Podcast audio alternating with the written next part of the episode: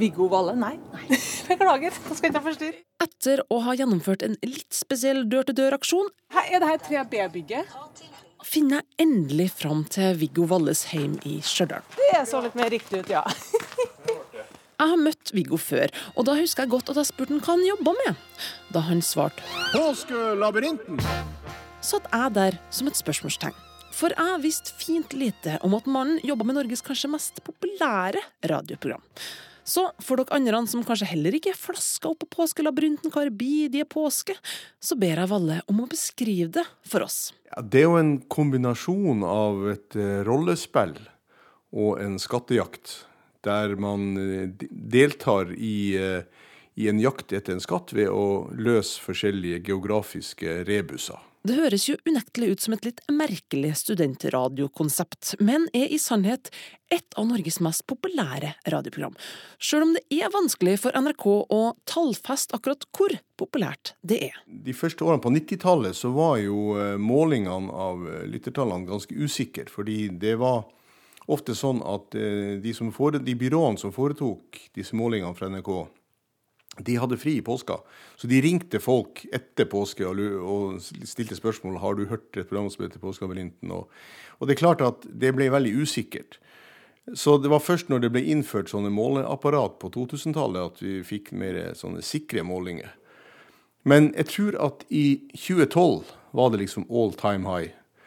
Da hadde vi 962 000 lyttere på målingene på skjærtorsdagen. Det er jo ganske formidabelt. Hvordan er det som programleder å vite at nå snakker jeg for en femtedel av Norges befolkning? Nei, jeg tenker jo ikke på det når jeg sitter i studio. Jeg kan jo ikke gjøre det. Men, men du blir jo ganske ydmyk når du vet at det er så stor interesse omkring det. Og jeg husker jo fra min oppvekst, eh, når man snakker om store programledere i radioen som Rolf Kirkvaag, der man snakker om at man samler hele familien og hele folket rundt radioen. Og det å kunne gjøre det på 2000-tallet, med den konkurransen vi har fra fjernsyn, og ikke minst fra sosiale medier og Netflix og alle mulige andre ting som stjeler oppmerksomheten fra folk, det å kunne gjøre det med radioen igjen, det er ganske stor stas, altså. Det må, jeg, det må jeg bare innrømme. Og samtidig så blir jeg veldig ydmyk i forhold til det at jeg er jo nødt til å prestere hvert eneste år for å holde det her oppe. Og i år etter år har han holdt på helt siden han og daværende kollega Gunnar Uglem starta programmet sammen i 1987. Den gang på NRK P2. Vi er kommet fram til finalen i Påskelabyrinten, P2s store skattejakt. I studio Gunnar Uglem og Viggo Valle. Viggo kom til NRK P2 på Tyholt i Trondheim i 1984, og jobba opprinnelig som programingeniør, eller tekniker som vi òg kaller det. Og på en studiereise til Malmö kom inspirasjonen til Påskelabyrinten, der de overhørte et lignende program på svensk radio. et program eh, som var et rollespill, der folk kunne ringe inn og delta i et rollespill. Og eh, hvis de lyktes med de oppgavene de fikk, så fikk de lov til å eh, gå videre i programmet. Og hvis de mislyktes, så ble de skifta ut med en ny. Kom vi til å snakke om det, Gunnar, er at det kunne vært veldig artig å, å lage et sånt program. eh, Men da kunne det vært en skattejakt, der vi skulle eh, jakte etter en skatt som var gjemt et eller annet sted. Og så skulle vi liksom løse en del oppgaver underveis for å komme fram dit, i et slags rollespill. Og begge var vi interessert i geografi, både Gunnar og jeg, så vi setter oss ned og, og fant ut at vi skal planlegge et sånt program, og skal vi foreslå det for sjefene våre når vi kommer tilbake til, til Trondheim. Og det gjorde vi. Hvis det hadde vært på Marienlyst, så er jeg nokså overbevist om at de hadde, aldri, de hadde aldri sagt ja til at to programingeniører skulle få lov til å lage eh, et sånt program. Men takket være at det var nye sjefer med Arne Bonde i spissen som, eh, som P2-sjef, og Magne Finslo som da var underholdningssjef, så sa de til vår store overraskelse egentlig ja, gå i gang. Vi foreslo da å lage et program som skulle gå i jula 1986, og det skulle hete Julelabyrinten. Og eh, det ble eh, ganske bra suksess. Eh, Lyttertall den gangen var jo ting som man ikke var noe spesielt opptatt av. Jeg tror ikke det var noe seriøse målinger heller på det. Men vi ble så berusa over egen suksess at vi øyeblikkelig foreslo at vi måtte, kunne lage en tilsvarende serie for påska 1987. Og det fikk vi også ja til. God morgen og velkommen til denne jordomseilinga. Det er altså gjelder det å finne P2-skatten som ligger et eller annet sted ute i verden. Og for å komme fram til denne skatten, så må vi følge ei helt bestemt reiserute. Og også i påska 1987 var Gunnar medprogramleder, men etter det så hoppa han av og var vel produsent for Julelabyrinten i, i 1987, men så fant han seg andre spennende oppgaver i NRK å gjøre, mens jeg ble sittende alene igjen da med, med planlegginga og gjennomføringa av Labyrinten, som gikk da vekselvis da i jul og påske fram til 1989, av en eller annen grunn som jeg ikke klarer å huske nå. Og så fortsetter det da med bare påska fremover eh, til trekanalradioen så dagens lys i 1993. Programmet gikk etter hvert over til NRK P1, som naturlig nok fikk opp lyttertallene. Men det var vel først da Viggo Valle fikk jobb som teknisk sjef på Tyholt og måtte ta to års pause, at man virkelig forsto den omfattende populariteten av programmet. Og det som ble satt inn isteden, det var et program eh, som tok utgangspunkt i en krimgåte, laga av forfatter Fredrik Skagen, som skulle være også innringningsprogram rundt. Og programleder ble Hans Petter Jacobsen. Jeg skal ikke være altfor cocky, og sånn, men det ble vel en betinget suksess, for å si det sånn, i de programmene i 1996 og 1997. Så etter at programmet i 1997 hadde gått, så var det så mange henvendelser fra lytterne som ville ha tilbake Påskeabrinten, at uh, samme Kari Werner Øvstig kom til meg og sa kan du tenke deg til å begynne å lage Påskeabrinten igjen. Men uh, programmet tok seg jo kraftig opp da, ikke sant, i og med at vi hadde lytterne hadde fått det som de ville, og, og, vi var på en kanal som, som det etter hvert var blitt Norges største. Og siden da har Norges største program levert tusenvis av lyttere, tusenvis av oppgaver. Og plutselig så hopper kyllingen fra det ene til det andre hornet. Hvor skal vi reise nå? Åh, oh, dette her, altså. Ja. I fjor feira Påskelabyrinten 30 år, og i jubileumsutgaven ble en av finalistene logoped Ragnhild Hammersmark Sandstad. Og akkurat som Viggo Valle gjorde i fjor, snakker jeg med hun på telefon, der hun sitter i ferjekø på vei ut til Ytterøy. Altså, Påskelabyrinten har vi hørt fra det starta, tror jeg faktisk, og det var det 30 år i, i fjor. Jeg vet du, vi har hørt på det i alle år. Vi har på en måte hatt en sånn familie greie, altså kanskje særlig søstregreie, med at vi har, har, sittet med mobilene og sendt hverandre meldinger og forslag på løsning og sånn mens programmet har gått sin gang. Pluss at vi har, ofte har vi vært samla i påska, at det har vært barn, og, barn har vært hjemme, og vi har sittet med frokosten og hatt Påskelabyrinten mm, som en sånn fast greie.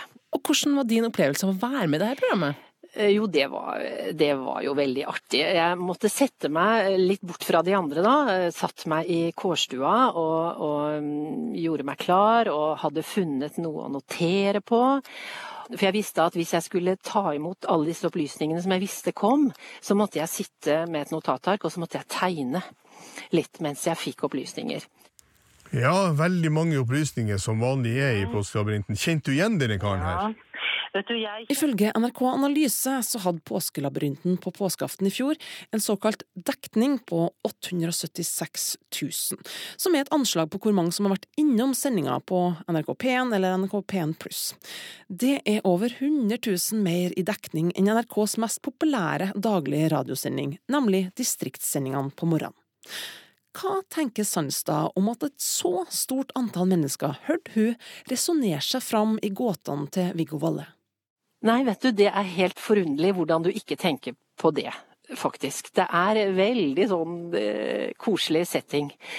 Så det, det, var det første jeg ble overraska over, at jeg ikke, etter hvert ikke var nervøs og bare satt der og ja, småprata med han, som sagt. Nei, Det er jo denne fjellmassivet ja, ja, ja. Eh, som noen tør å klatre på. Ja, Noen tar faktisk spranget over fra det ene hornet til det andre. Ja. Sånn som den ikke... Men om hun ikke merka det der og da, så merka hun det i alle fall i etterkant av sin radioopptreden. For da kommer det meldinger, og det kommer på Facebook liksom hilsener, og, og, mm, og på gata, holdt jeg på å si, og, og rundt omkring. Så, så da skjønner skjønner man veldig Uh, hvor populært dette programmet er, og hvor mange som faktisk hørte på meg. Så da kan man jo bli litt shaky etterpå, men man, man merker det faktisk ikke mens man, mens man, er i gang, altså.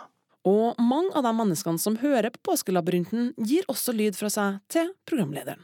Nei, jeg treffer jo veldig mange folk eh, nå senest i, i helga som, eh, som spør kan jeg, kan jeg få lov til å ta et, eh, et bilde av det for jeg skal sende til mora mi.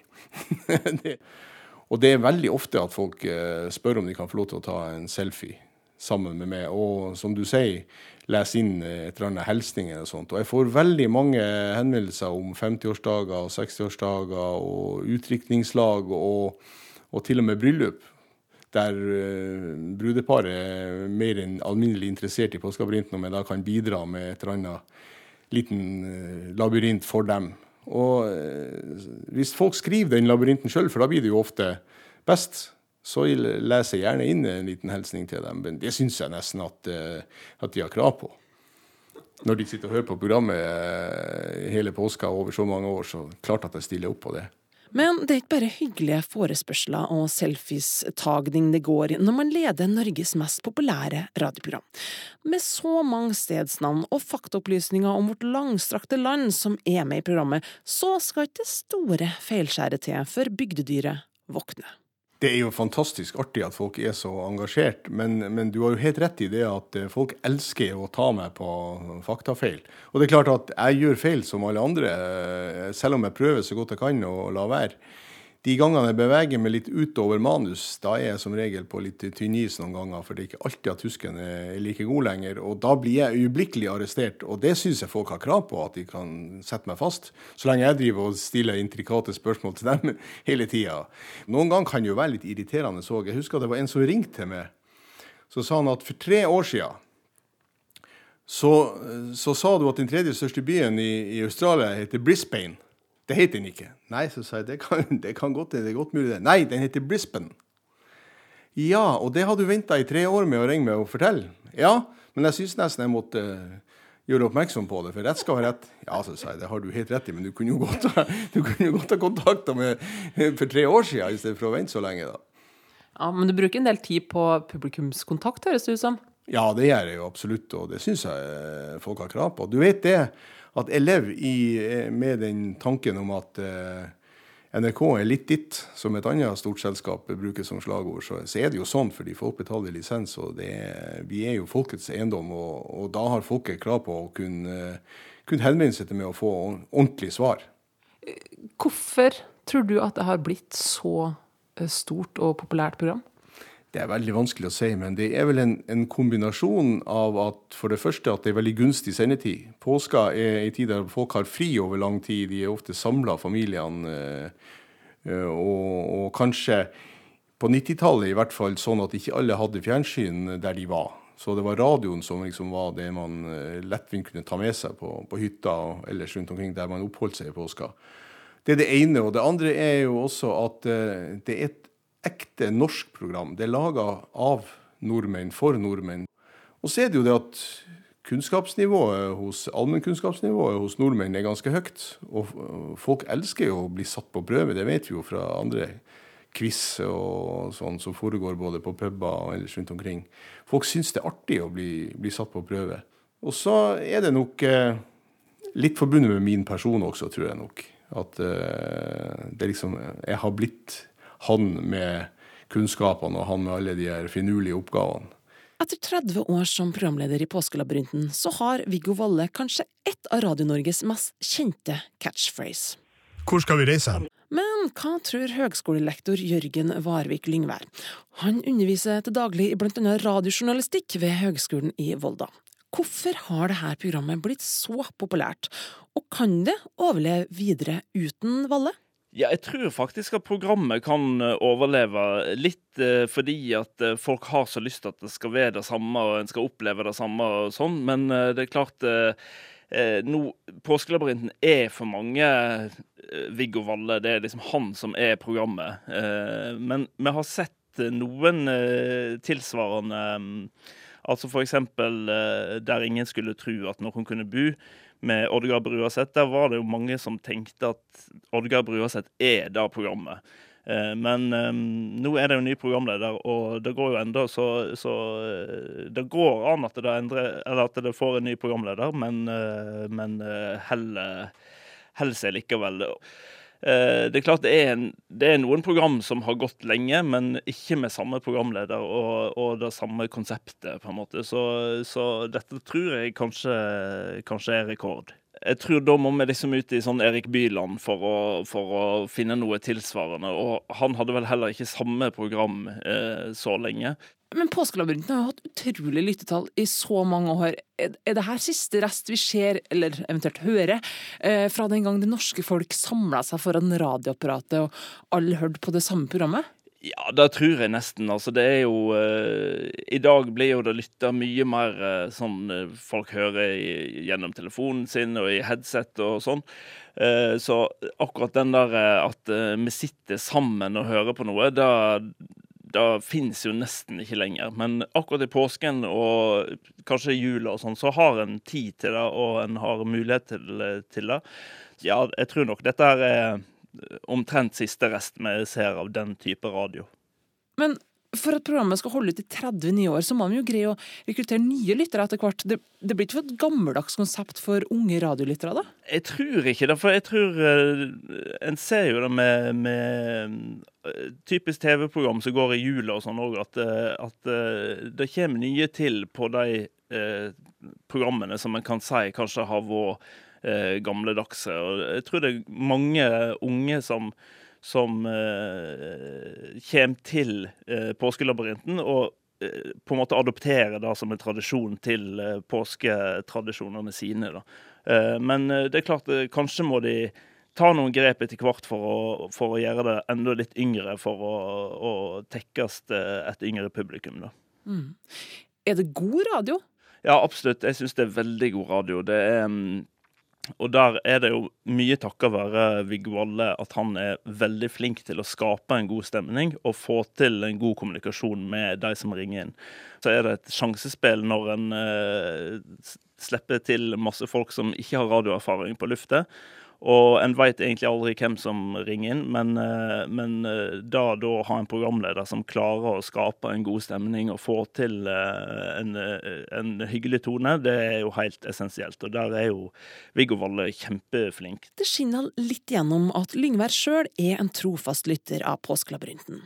Har han ingen innvendinger mot programmet? Noen får kanskje mer hjelp enn andre, og noen får eh, flere sjanser enn andre. Sånn at eh, hvis det skulle være noe, så er det jo at eh, det kanskje ikke alltid er helt rettferdig hvem det er som eh, går videre, og hvem det er som går ut. Eh, for der, eh, der er det jo mye opp til Viggo Valle der òg, da.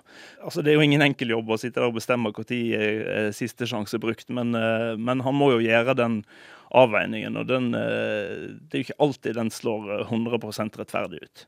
Jeg videreformidler kritikken til Valle.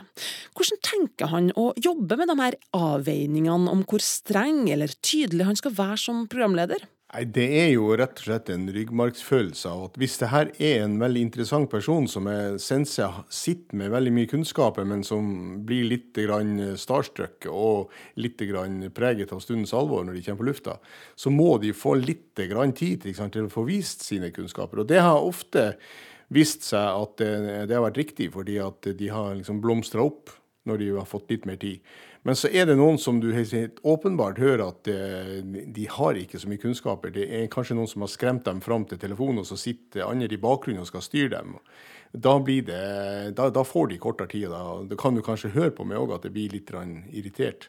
Men jeg har jo blitt beskyldt for mer enn én gang at jeg lar f.eks. nordlendinger få mer tid, og har hjulpet dem mer enn andre.